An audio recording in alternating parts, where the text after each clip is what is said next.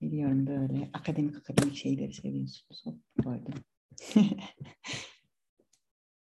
Analık, yaşlı kadın, karanlık orman, aşık olmak.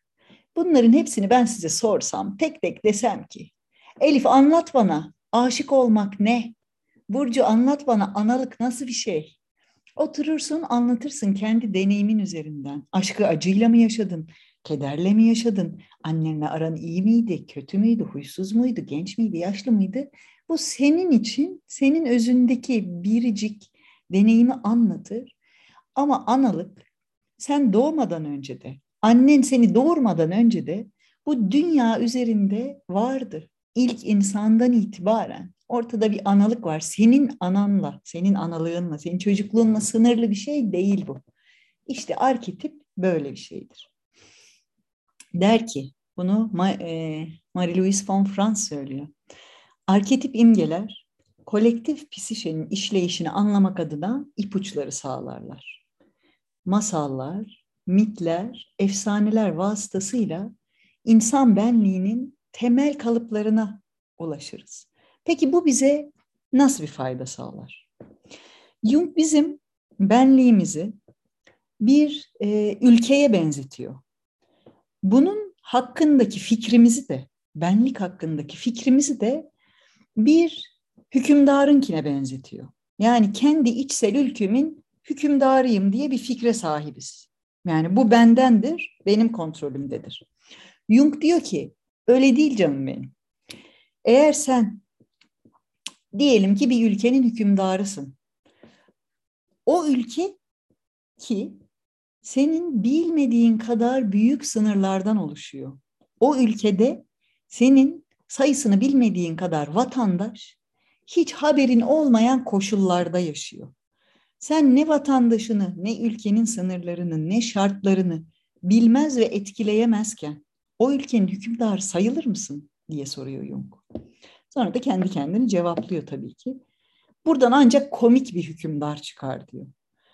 İnsan ancak evet ya beni de bu ülkenin bu köşesine koydular. Elimin değdiği yere kadar da sorumluluk verdiler. Lakin elim uzaklara da ulaşmıyor. Bildiğim bilmediğimden daima az dedikçe ve sen kendi benliğinin dahi hakim olmamayı kabul ettikçe varoluşun gizemi senin karşında ancak öyle açılır diyor. Nasıl? Metafor karmaşık biraz ama iyi geldi mi? Ben çok sevinmiştim bunu duyduğumda. Bilmiyoruz diyor yani. Kendimize bile hakim değiliz diyor. Arketipler, masallar vasıtasıyla bu hakim olmadığımız ülkenin vatandaşlarını bize minik minik tanıtmaya çalışan e, yol yordam araçları diyebiliriz. İç ülkemizde bizden habersiz var olan, gölgelerde kalmış hazinelerimizi, gücümüzü, kaynakla bağlantımızı geri çağırmak için vahşi kadını bize rehber koyuyorlar. Vahşi kadın bize varoluşun şahane senfonisiyle bağlantımızı hatırlatıyor. Ah, bireyleşme canlılıkla ilgili bir şey. Ortalıkta elbise askısı gibi dolaşmamakla ilgili. Ortalıkta bir fonksiyonlar yumağı olarak toplam ve sadece onun karısı, bunun eşi, ötekinin eltisi olarak dolaşmanın ötesinde sen kendi özüne sadık olmayı hatırlıyor musun? Kardeşimle ilgili bir şey. Ah, ben ne zaman kendimi karanlık, işe yaramaz, tembel, uygunsuz, yalnız, dışlanmış hissetsem içimdeki bağ, bağlantıya, kaynağa geri dönmek için gayret ederim. O nedir? O benden dünya yansa alınamayacak olandır. Onu hatırlamak, onu bulmak, onu arayarak, arama yolunda, bazen tekrar bulamayarak kendimi yeniden yeniden yeniden doğururum. Kendilik işçiliği böyle bir şeydir. Ve buradan size söyleyebileceğim ipucu da bir kadının doğurma işi asla bitmez. Daima kendini projelerini, hayallerini, bazen çocukları, bazen sevgililerimizi yeniden, yeniden, yeniden doğurmamız gerekir. Ve bu doğurma ancak kendi bilinç dışımız ve kolektif bilinç dışı tarafından yönetilmediğimizde bireyleşme olabilir. Hayatımızı arketipler belirlemediğinde ancak şu oturduğum kadar köşenin sorumlu hükümdarıyım ben diyebiliriz. İçimizdeki alemi. Alem enteresan bir kelime. Azıcık etimoloji yapalım. Alem, ilim, alim, muallim, bilim. Bunların hepsi benzer köklerden geliyor. Ah, alem bilgi, işaret, bilgiyi işaret eden bir şey demek sanırsam. Mevzu yolda olmaktır. Kitap bizi yola davet eder. Kapı yola açılır. Aramaktır. Buldum sanmamaktır. Mevzu iki cihanda da layıkıyla var olmaktır. Maddeye kapılmadan ama manayı da yatsımadan. Bize verilmiş hayat hediyesini daima layıkıyla yaşama cesaretini göstermektir. Doğumu ve ölümü geri almaktır. Yaşamın küçücük fakat küçücüklüğüyle pek mühim parçaları olduğumuzu hatırlamaktır. Hmm, işte o zaman belki insan olmak farklı bir deneyime dönüşebilir. Şimdi size Laloba'yı anlatayım o zaman. Bilmiyorum beklediğiniz şeyi buluyor musunuz? Biraz genellikle benim böyle çok konuştuğum şekilde gidiyor olaylar ama bu girizgah henüz. Sonra inşallah hep beraber daha kol kola yan yana gideceğimiz yerler de gelecek. Girizgahta izin verin ben söyleyeceklerimi söylemeye devam edeyim. O zaman azıcık masala gelelim de içimiz kıyılmasın. Bir dakika kahvemle içeyim.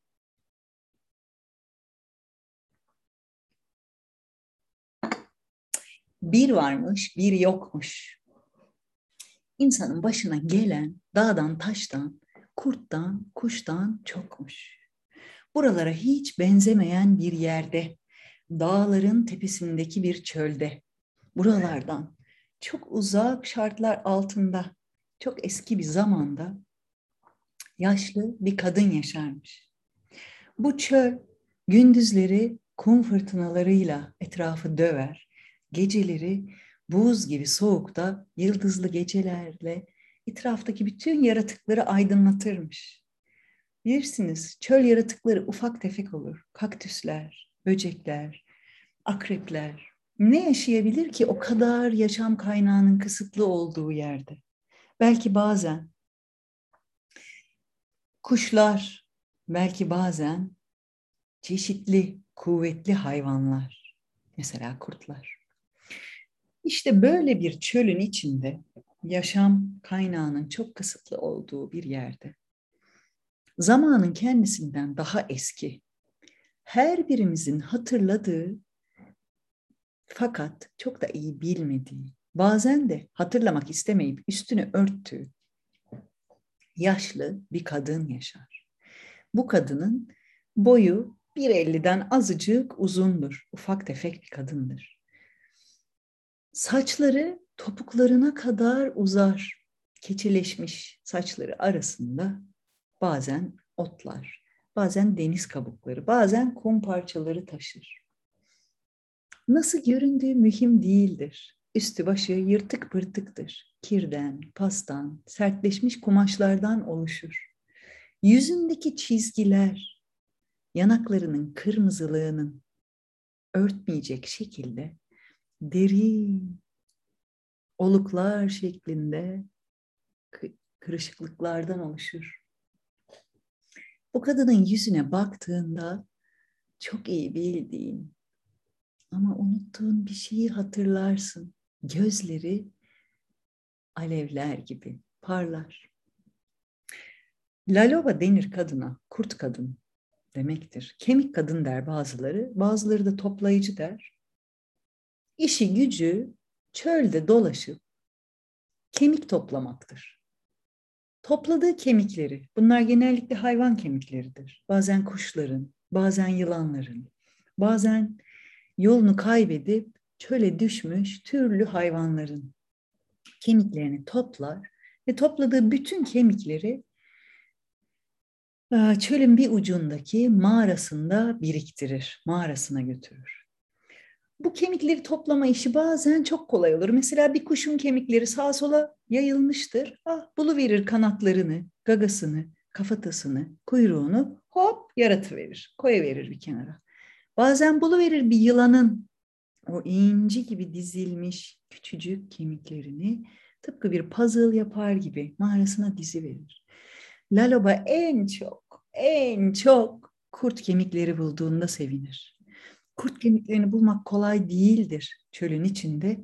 Ama Laloba için zaman mühim değildir. Bazen bir gün, bazen bir ay, bazen bir sene, bazen bir ömür sürer bir kurdun kemiklerini tam olarak yerleştirmek.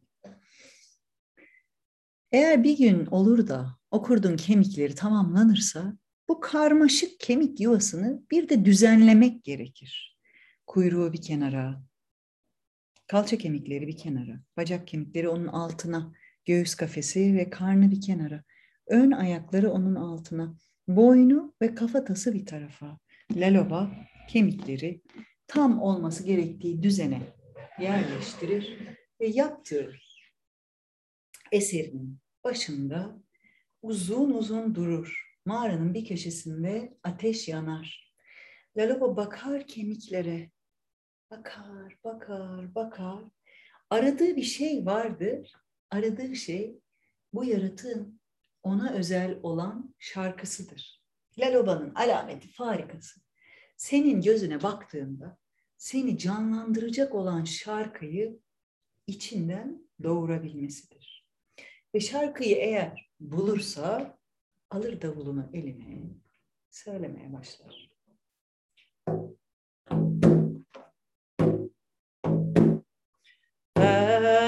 Ah,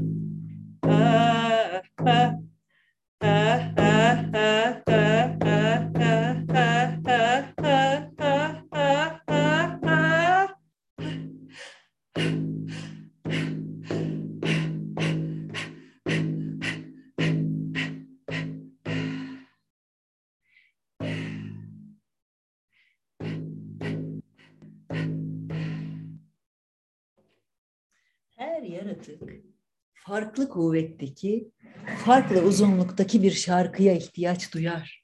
Kimisinde sesler, kelimeler gereklidir daha çok. Kimisinde nefese kuvvet.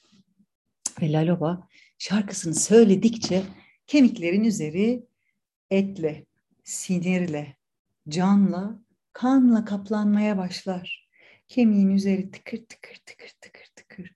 Her nefesle, her sesle, her sözle yeni bir katmanı oluşur yaratığın. Ve sonra deri kaplar üzerini. Ve sonra pırıl pırıl, yepyeni, parlak tüyler. Ve ardından göz kapakları oluşur, patilerinin altındaki pembelik ve burnunun ucundaki ıslaklık. Bütün hepsi tamam olduğu zaman yaratık gözlerini açar ve bakar kendisine hayata kim geri çağırmış diye. Lalaba'ya bakar, ayaklanır, mağaranın kapısında bir durur, çölün sonsuzluğuna ilk defa görüyormuş gibi bakar ve koşmaya başlar çölün içinde. Ve gözden kaybolmadan önce dikkatli bakan gözler görürler ki biraz önce mağaradan kurt olarak çıkmış bu yaratık ufka henüz varmadan şahane bir kadına dönüşmüştür. Upuzun saçları rengarenk salınır rüzgarda çırılçıplak. Ayaklarını yere vura vura koşmaktadır kadın. Ve denen o ki ne zaman kendinizi bir çölde hissetseniz artık kendinize yetecek kadar dermanınız kalmadıysa bile şanslı sayılırsınız. Siz oralarda aç susuz, tek kemik halde kaldıysanız bile Lalova sizi bulabilir ve hayata getirmesi o kadar da zor değildir.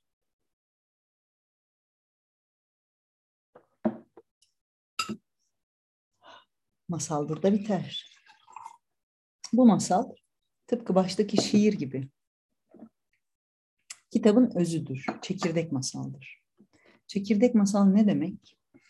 500 sayfada 5 cümleyi tekrar tekrar eğerek, bükerek, yamultarak, baştan anlatarak, yeni yeni kelimelerle bize anlatmaya çalışmış bu kadının aslında Laloba ile bize 500 sayfanın özetini vermesi demektir. Laloba'nın üzerine 12 tur konuşabiliriz. Öteki masallara hiç geçmeye gerek kalmayabilir. Masalın içindeki simgeler, bugün ve bundan sonra hep olacağı gibi masalın içindeki karakterler bir kadının psişesindeki farklı fonksiyonları işaret ederler. Yani çöl de sensin, laloba da sensin, kemikler de senin kemiklerindir. Kemikler arketipsel psikolojide daima yok edilemez olanı temsil ederler. İlginç bir bilgi var bununla ilgili. Mesela çok eski zamanlarda bu yağmacı, yıkıcı, işgalci e, savaşlarla insanların ülkeler aldıkları işte Cengiz Han, Moğollar vesaire o zamanlarda bir hükümdar bir ülkeye girdiğinde önce o ülkenin eski hükümdarlarının mezarlarını kazdırırmış ve içinde bulduğu kemikleri yaktırırmış. Çünkü kemik toprağın altına girdiğinde çürüyüp giden bir şey değil. Belki çürüyorsa da bu o kadar uzun zaman sürüyor ki insanoğlunun buna şahit olması mümkün olmuyor. Bu kemikleri özellikle de bel kemiğini e, bulur ve yaktırırmış. Tekrar buradan canlanamasın hükümdar diye. Bu kutsal metinlerde de zaman zaman geçiyor. Bel kemiğinden yeniden canlandırmak. E, sanırım Kitab-ı Mukaddes'te de, Kur'an-ı Kerim'de de geçiyorlar. Ve işin ilginci biraz derin araştırdığımızda hadi takalım kafayı kemiklere. Nerede var bu kemikler diye peşine düştüğünüzde Kızılderili mitolojisinde de karşınıza çıkıyor.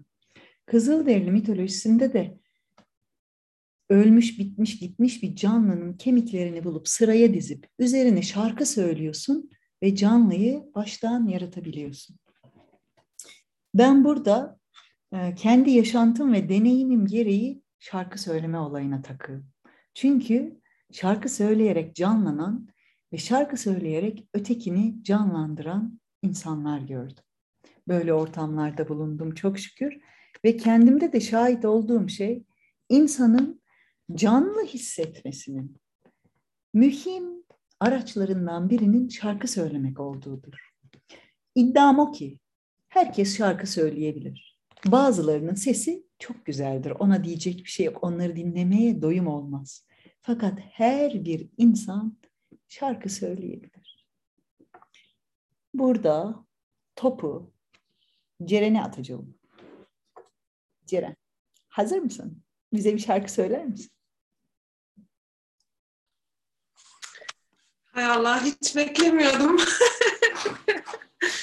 hmm. Ceren benim çok sevdiğim bir arkadaşım ve dinlemeye de doyamadığım bir insan.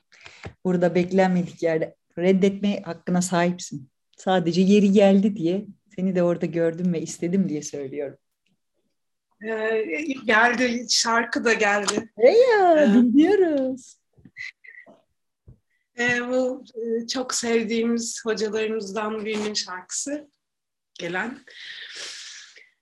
Humble, humble yourself to yourself to know what you know. Humble, humble yourself to yourself to know what you know. And together we will lift each other up higher and higher. And together we will lift each other up higher and higher, higher and higher. Humble, humble yourself to your mother to know what she knows.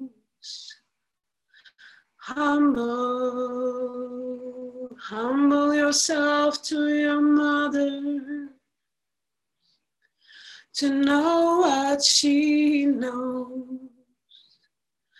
And together we will lift each other up higher and higher. And together we will lift each other up higher and higher,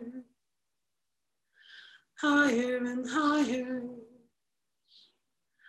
Humble, humble yourself to your Father to know what He knows. Humble. Humble yourself to your Father to know what He knows. And together we will lift each other up higher and higher. And together we will lift each other up higher and higher higher and higher. Humble, humble yourself to the children to know what they know.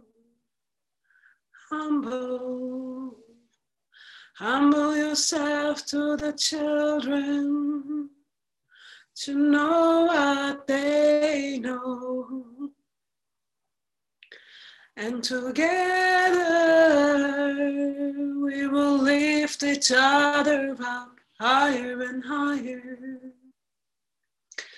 And together we will lift each other up higher and higher, higher and higher.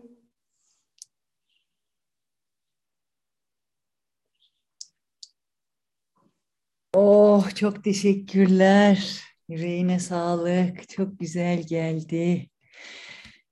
Oh mis gibi. Bunun üzerine size şarkı söylemenin ilginç bedensel faydalarıyla ilgili birkaç bilgi paylaşmak istiyorum. Şarkı söylemek vücutta canlılığı arttıran bir edimdir. Bunu yaparken kan kaynağını geliştirir, beyin aktivitesi yoğunluğuna yol açar ve beyin daha yoğun çalışmaya başlar, hafıza gelişir, algılama artar. Şarkı söylemek göğüs gelişimini destekler, doğru solunumu ve akciğer koşullarını önemli ölçüde geliştirir. Tıpkı bir solunum jimnastiği gibidir. Düzenli şarkı söyleyerek bağışıklık sisteminizi arttırıp kortizol seviyenizi yani stres hormonu seviyenizi azaltabilirsiniz. O yüzden size ödev olarak veriyorum. Bugünden itibaren sevdiğiniz bir şarkıyı günde beş dakika her gün beş dakika söyleyin. İsterseniz kimse duymasın, isterseniz sevdiklerinizi mecbur bırakın dinlemeye. Hiç fark etmez. Başlamadan önce nefesinize gelmeyi ve bedeninizi bir çek etmeyi unutmayın ki bunun üzerinizdeki etkilerini takip edebilin. Bitirdiğinizde de bir bakın. Nasıldım başlarken, şimdi nasılım diye. Böylece Laloba'nın askerleriyiz Timi şarkılardan başlasın harekete.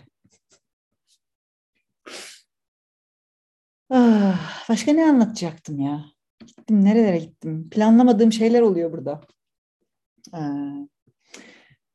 ne yapıyordum? Bir bakayım. Hmm, notlarıma bakayım. Notlarımla şuradan kapatıyorum yavaş yavaş kendi konuştuğum kısmı.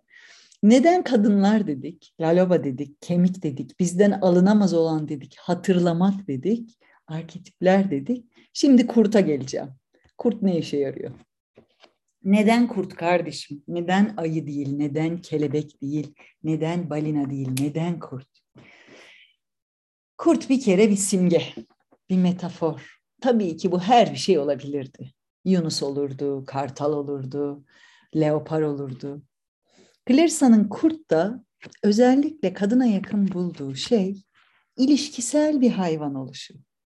Sürüde yaşıyor kurt ve kurt e, vahşi doğanın döngülerine tabi, kışları mümkün olduğunca az hareketli ve çocuklarına çok düşkün ve oyuncu bir hayvan. Hem güçlü, hem oyuncu, hem hareketli, hem de e, sürüsünün içindeki dengelere düşkün bir hayvan. Bunu biz biz bağlamında düşünürsek bizim kurdumuz ne peki? Bizim kurdumuz içimizde. Bizim kurdumuz kültürün henüz kültür tarafından rafineleşmemiş.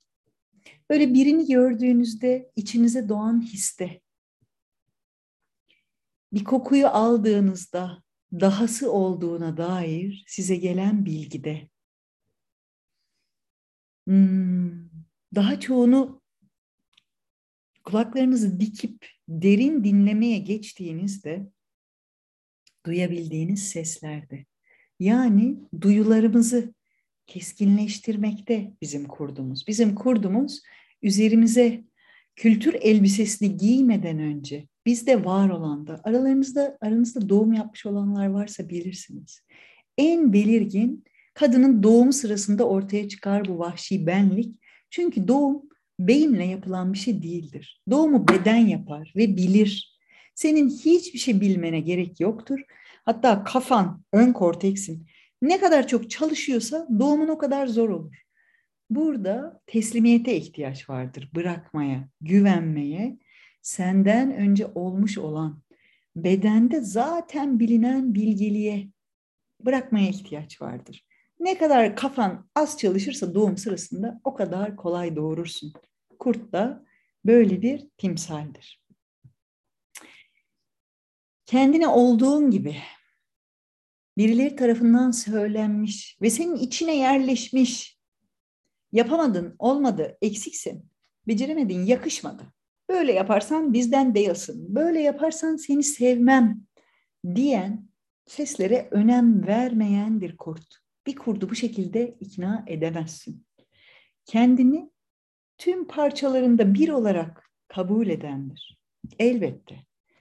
Bu yola girip kendini kabul etme hatta gölgelerini dahi kucaklama yolunda giden bir kadında, kendine şefkat gösterebilen, kendine merhametle yaklaşan insan, ilişkide olduğu herkese de bu şekilde yaklaşmayı bilir. Kurtlarla koşmak, kendi yararına konuşmayı, kendi yararına düşünmeyi öğrenmek demektir. Sezgiye ve algıya güvenmek, mümkün olduğunca yüksek bir bilinç düzeyine erişmek ve bunu korumak demektir. Kurtlarla koşmak, ruhsal yaralarını fark etmek, onlara şifa aramak. Belki bulursun, bulmama ihtimalin de var. Mühim olan sonraki nesillere aktarmamaktır. Bu bağlamda bilinçli bir uğraştır. Böyle ha, tamam koştuk bittik geldi diye bir şey yoktur. Her gün baştan kendini oturtman gereken o sessizliktir. Her gün yediğin şeyin ne olduğuna dikkat etmektir. Hadi bugün sağlıklı beslendim, yarın içime çöp doldurayım. Yok bu. Çöp doldurmak yok. Ne bedenine, ne ruhuna, ne zihnine çöp doldurmamayı bilinçli olarak seçmektir. Kalpten, candan, hakiki, yaratıcı, bu şekilde bir hayata niyet etmektir ve zaten bu niyetlere girdiğinde vahşi ananın topraklarındasın. İşte zaten burada kurtlarla koşan kadınların menziline girdin demektir. Bu ilişkilerin sevdiğin, sevmediğin, hoşlandığın, hoşlanmadığın, anlaştığın, anlaşamadığın ilişkilerin sana ayna olduklarını bildiğin, sevgilinin, dostunun, yoldaşının gözünde kendini bir halde gördüğün ve o gördüğün hali sevmeyi bildiğin, onu beslemeyi, ondan beslenmeyi öğrendiğin bir yoldur. Masallar her birimizi tek tek yumuşakça, dövmeden ruha davet ederler. Masallarla rüyalar aynı kumaştan dokunurlar. O yüzden bugünden itibaren size rüyalarınıza ekstra bir ilgi göstermenizi rica edeceğim, önereceğim. Bugünden itibaren masallarda ve bu konuşmalarda dinlediğiniz bazı imgeler rüyalarda ortaya çıkabilir. Masalların derinliklerine girdiğimizde hangi imgeler size ne sinyaller vermeye çalışıyor olabilire de bakacağız.